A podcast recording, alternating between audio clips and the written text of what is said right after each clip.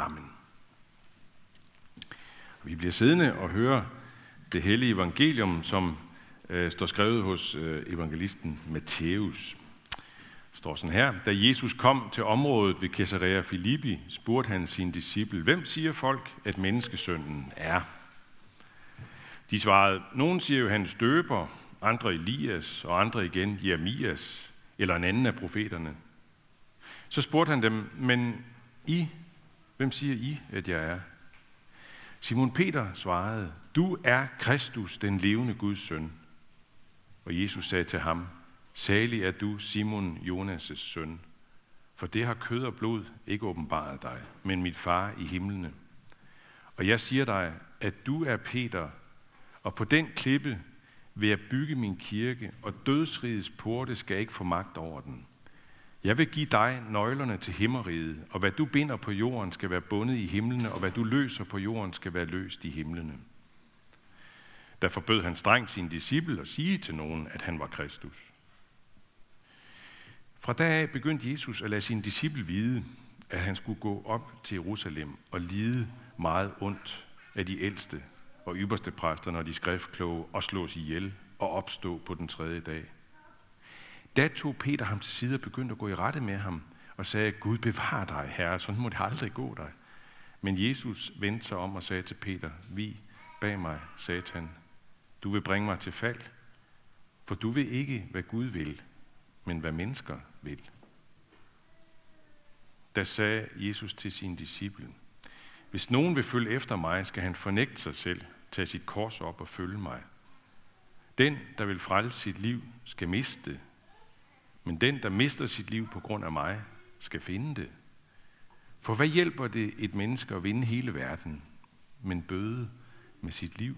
Eller hvad kan et menneske give som leder vederlag for sit liv? Amen.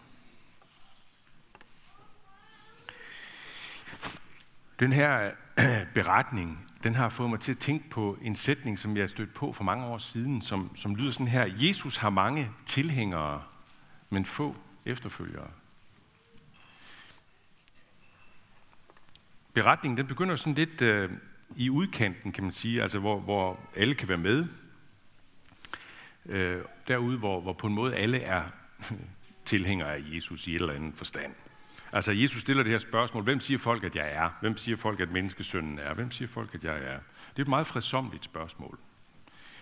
Øh, og der er jo ikke nogen, jeg tror ikke, der er en herinde for eksempel, der ikke vil kunne svare et eller andet på det. Altså, hvem siger folk, at Jesus er?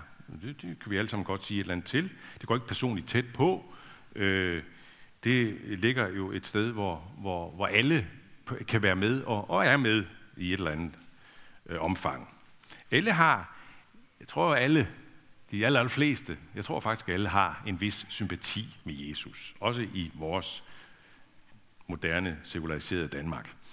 Øh, Jesus er noget. Det er han helt sikkert. Han er en, en stor tænker. Han er et stort menneske, et livsklogt menneske. Han er en stor humanist. Han er, ja, hvis man har et religiøst øh, vinkel på det, ikke? Han er en religiøs vinkel på det. Han er profetisk på en eller anden måde profet. Er man kristen, hvis man, hvis man ser sådan på Jesus? Nej, det er man ikke. Det er man slet ikke. Øh, jeg vil gerne referere til, eller citere fra et interview, der var for nogle år siden med Bono fra U2, ham det der irske rockband, og den forsangeren Bono. Øh, han har en øh, ven, Mika Assays, som er, også er musikjournalist, og han lavede et interview med ham, et længere interview, hvor i de også kommer ind på spørgsmål om tro og kristendom osv. Og, og øh, så siger ham her, Mika Assays, på et tidspunkt sådan her, Kristus har en plads blandt verdens største tænkere, men Guds søn, er det ikke lidt søgt? Så svarer Bono følgende. Nej, for mig er det ikke søgt. Den sekulære reaktion på Kristus-historien er altid nogenlunde sådan.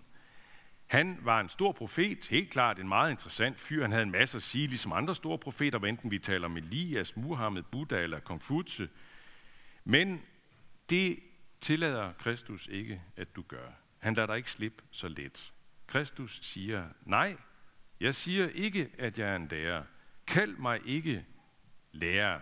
Jeg siger ikke, at jeg er en profet. Jeg siger, jeg er Messias. Jeg siger, jeg er den inkarnerede Gud. Sådan sagde Bono i det der interview. Og Bono har ret. Jesus vil ikke nøjes med at være en interessant, sympatisk profet, eller tænker, eller lærer, eller hvad det måtte være. Han vil være intet mindre end Messias, den inkarnerede Gud, den, den kødblivende, den menneskeblivende Gud.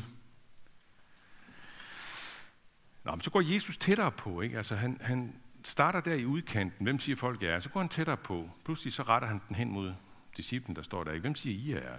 Hvem siger I, jeg er? Altså, sagt på en anden måde, øh, når du lever i udkanten af Jesus, så at sige, i periferien, der ikke altså sådan lidt på afstand, så vil du på et eller andet tidspunkt blive udfordret fra det uforpligtende til det forpligtende. Fra tilhænger til efterfølger. Det vil ske på et eller andet tidspunkt. Du bliver udfordret. Og Peter, disciplen der, ikke, han, han svarer jo, jamen du er Kristus, hvilket er det græske ord for Messias. Du er Messias, den levende Guds søn. Ligesom Bono. Salig er du, Simon Peter, siger Jesus. Salig er du, Bono. Og hvem er os, som kan sige det samme? For det har kød og blod ikke åbenbaret os. Men det har Gud i himlen. Det har mennesker ikke kunne få os til at tro på dybest set. Selvom det uden tvivl er sådan, at der for alle os, der tror på det, at Kristus er Messias, at Jesus er Messias, øh, der er uden tvivl, det er uden tvivl sådan, at der er, der er nogle menneskelige mellemled i det der. Det tror jeg, vi, de aller, aller fleste af os vil kunne sige, det, det har der været. Der har været nogle mennesker, som har været betydningsfulde der. Men jeg tror også, at vi vil kunne sige, at et eller andet sted på vejen, der er det som om, at det ikke kom andre steder fra end fra Gud. Ikke sådan at forstå, at jeg tror, at vi alle sammen er os meget bevidste, hvordan det ligesom fandt sted. Det tror jeg nemlig, vi ofte ikke er. Kan ikke forstå det helt, hvad det var, der kom til os. Og det blev klart for os, at sådan er det med, at Gud er der. Jesus er Kristus. Men jeg tror, at vi kan skrive under på det, at det kommer, det er Gud, der har åbenbaret det for os dybest set. Så hvad skal du gøre, som endnu kun er Jesus sympatisør, og ikke kan sige det samme som Simon Peter, eller Bono, eller, eller mange andre herinde? Hvad skal du gøre? Ja, det vil jeg sige dig meget enkelt. Du skal blive med at komme i kirken. Enten her, eller hvor du ellers bor henne, og det er naturligt for dig at komme i kirke. Så bliv med at komme i kirke, igen og igen. For der er ikke nogen genveje til denne åbenbaring fra Gud. Denne, det at få denne tro på, at Jesus er Messias, er Guds søn, er den inkarnerede Gud. Af en eller anden grund, så har Gud valgt og lade, og lade det være et meget langt og sejt træk at nå frem til den overbevisning, at Jesus er Guds søn. Jeg, har, jeg ved ikke helt, hvad det handler om, men måske handler det blandt andet om, at det, der tager længst tid med at komme ind i os, det er også det, der har længst varighed i os. Så den der livslange vandring hen til kirken om søndagen, den er helt sikkert nøglen til at få troen på, at Jesus er Guds søn. Det er sådan som, og nu får I et af mine yndlingscitater, jeg er helt sikker på, at jeg har citeret det før her også. Det er nemlig af digteren Søren Ulrik Thomsen, som siger i et meget fint essay om det at gå i kirke, der siger han sådan her, den blotte deltagelse i gudstjenesten er kongevejen til troen. Ja. Han var selv en af dem, der foretog øh, den livsvej fra ikke-tro til tro, og det var faktisk gudstjenestedeltagelsen, uden egentlig at forstå ret meget, sådan, sådan beskriver han det, i lang tid, så alligevel var det det, der blev kongevejen for troen til ham. Jeg tror, han er ret i, at det er det for os alle. Så langt, så godt. Det kunne i og for sig godt sige ammen nu. Det kunne også være passende for en kort gudstjeneste, men det gør jeg ikke. Jeg har lidt mere, jeg skal sige. Øhm, fordi der er jo mere i teksten. Der er jo et meget, meget mærkeligt og dramatisk skifte i den her beretning. Stemningen skifter fuldstændig, ikke? Altså Jesus, vi får at vide, at Jesus han begynder at fortælle dem om det her med, at han skal til Jerusalem, han skal lide, og han skal dø, og han skal opstå. Og det begynder han så at fortælle dem. Og det er helt sikkert, at det sidste, det med, at han skal opstå, det fanger de ikke. Det bliver vi helt klar over, når vi sådan læser nærmere. Og det kan man også bare høre på Peters reaktion. Han er forfærdet. Det må ikke ske, Jesus. Det må, det må ikke ske, siger han til ham. Du skal ikke derop. Du skal ikke dø. Og så kommer det så med, som et lyn fra en klar himmel. og Meget, meget dramatisk. Vi bag mig, satan. Altså, Jesus, som lige har givet Peter en kæmpe betroelse. Du er Peter. Han hedder jo egentlig Simon, ikke også? Nu giver han ham et nyt navn. Peter, Petrus, som betyder klippe. Du er klippen, og, det, og på dig vil jeg bygge øh, min kirke, og så videre. Ikke? Og nu, vi bag mig, satan. I det her interview med Bono fra YouTube, øh, der, der stopper Bono ikke med at sige det, som vi så før. Han, han fortsætter faktisk. Nu skal vi se, hvad han siger. Han siger sådan her. Og folk siger, nej, nej, vil du ikke nok nøjes med at være en profet? En profet kan vi leve med. Du er lidt ekscentrisk. Vi har haft Johannes Støber, der spist græshopper og vild honning, og det kan vi klare. Men sig ikke M-ordet. Altså Messias, ikke? For så bliver vi nødt til at korsfeste dig. Og han siger, altså Jesus siger, nej, nej, jeg ved, at I forventer, at jeg kommer tilbage med en hær og befrier jer fra disse skiderikker, men jeg er faktisk Messias. På dette tidspunkt begynder alle at stige ned i jorden, og de siger, åh nej, han bliver ved med at sige det. Så man står i den situation, at enten er Kristus den, han siger, han er, Messias, eller også er han skrubskør, en skrubskør kugle på niveau med Charles Manson, som var musiker og massemorder. Bono har igen ret. Jesus insisterer på at være Messias. Han siger M-ordet, som får Peter til at give ham en kraftig irettesættelse, og som får mange andre til at droppe ham, og som alt i alt sender ham op på korset. Og der, lige der, netop der, på korset og i graven, der kom han med det, som vi for alvor har brug for. Ikke bare klog livsfilosofi og humanisme og god klimapolitik, men forsoning med skaberen, opstandelse og evigt liv. Så langt, så godt. For mange af os. Fordi det er jo den historie, hvor rigtig mange herinde, tror jeg, uden at jeg sådan kender jeg overhovedet, jeg alle sammen, så tænker jeg, at mange herinde siger ja til den historie. Ikke? Altså, det er jo det. Det er den Jesus, vi gerne vil have. Men vil vi også gerne have det sidste ryg, når vi nu er i det her med tilhængere, fra tilhængere til efterfølger. For der er jo endnu et ryg i den her tekst. Han siger sådan her, Jesus, hvis nogen vil følge efter mig, skal han fornægte sig selv og tage sit kors op og følge mig. Altså nu, nu kommer vi virkelig fra tilhænger til efterfølger. Hvis nogen vil følge efter mig, skal han tage sit kors op og fornægte sig selv. Ikke? Vi, det er nemlig sådan med os, at vi, uanset at vi øh, helt tilslutter os alt det her med Jesus, hans kors, hans opstandelse og det, der han forudsagde, det siger vi ja til, ikke også? Selvom vi er rigtig glade for det, så kan vi stadig i praksis godt nøjes med at være tilhængere og ikke være efterfølgere. Vi synes godt om Jesus på den der måde, ikke også? På korset og i graven og i opstandelsen. Vi siger ikke som Peter, Gud bevarer dig her, sådan må det ikke gå dig. Vi har fattet, at sådan måtte det lige præcis gå ham. Ligesom Peter også kom til at fatte det. Men, men, men nu kommer altså den sidste, den sværeste udfordring. Vil vi selv gå med på korsvejen? Lad mig sige det meget tydeligt. Vi skal aldrig bære Jesu kors. Det kors er fuldstændig unikt. Det er offeret for hele verdens ondskab, samlet i en krop på et kors. Og det slipper vi for fuldstændig.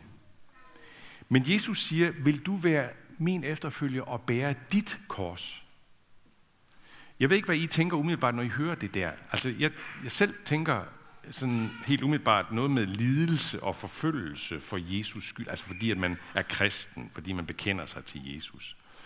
Og for nogen er det også en meget, meget håndgribelig virkelighed. Ude omkring i verden er det rigtig meget håndgribelig virkelighed for rigtig mange kristne. Kan det faktisk også godt i et vist omfang og på en vis måde være også i lille Danmark.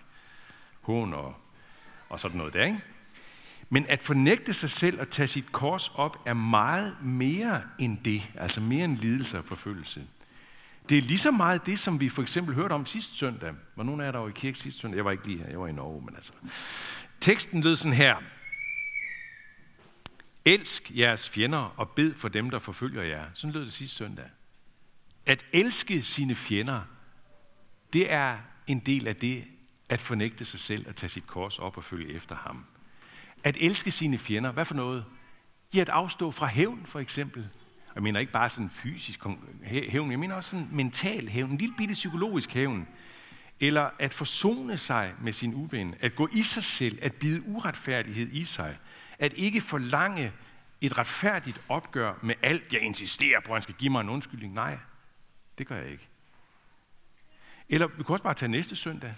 Hvad, hvad skal vi høre næste søndag? Der skal vi for eksempel høre Jesus sige sådan her. Selv hvad du ejer, og giv det til de fattige, så vil du have en skat i himlen. At fornægte sig selv, det betyder at give afkald på at kunne bruge alt på sig selv og på sine nærmeste. At give afkald på at opnå samme velfærd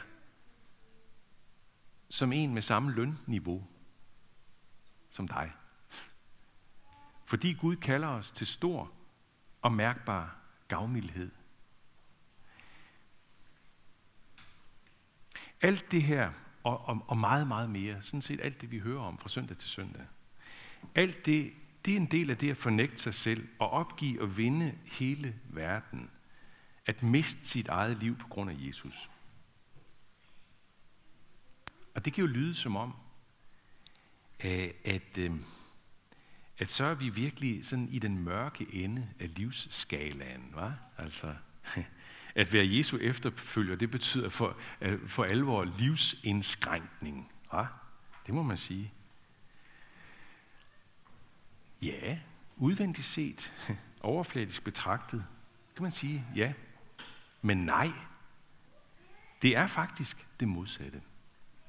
Det virkelig livsindskrænkende, det ligger i vores forsøg på at skaffe os selv livsmening og livssammenhæng og livsdybde i vores eget indskrænkede, selvoptagede univers.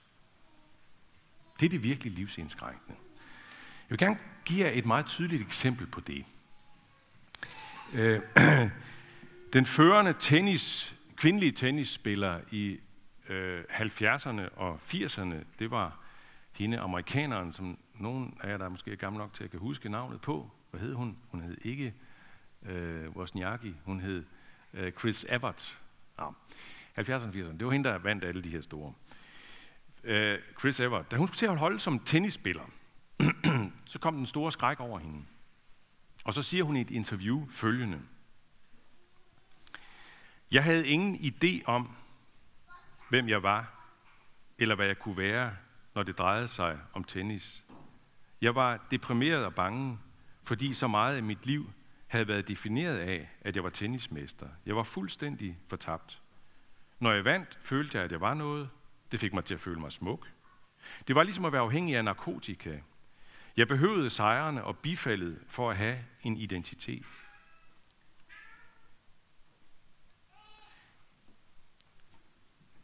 Og så når man læser hendes fortsatte livshistorie, med en række ægteskabssammenbrud, utroskab og så får man, uden at jeg skal kunne gøre en endegyldig bedømmelse af det, men så får man en fornemmelse af, at hun måske aldrig fandt det, hun søgte.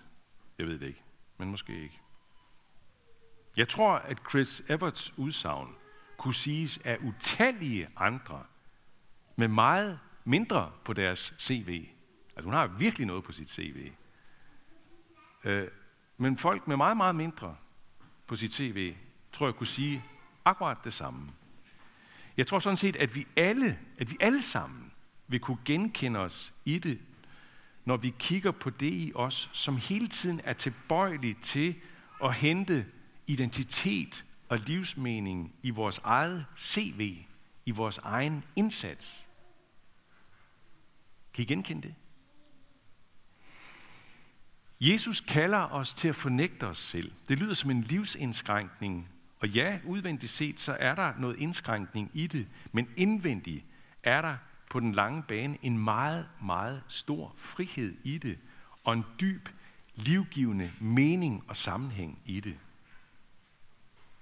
Der kan man stille et spørgsmål. Var, var det så på plads for Jesus, da Jesus satte ham på plads? Eller var det på plads for Peter, mener jeg, da Jesus satte ham på plads? Var det så ligesom, okay, så nu fatter jeg det, jeg er med der, ikke? Nej. Peter, han var slet ikke færdig med at skulle lære at fornægte sig selv, og tage sit kors op, og vinde friheden fra sig selv. Og, og det, det er vi heller ikke. Det tror jeg ikke, nogen af os er faktisk. Hvad, hvad ved jeg? Jeg kender jeg som sagt ikke sådan. Men det tror jeg ikke, at, at nogen af os er helt og fuldt. Det tror jeg ikke. Det tager et helt liv. Men sikkert et liv.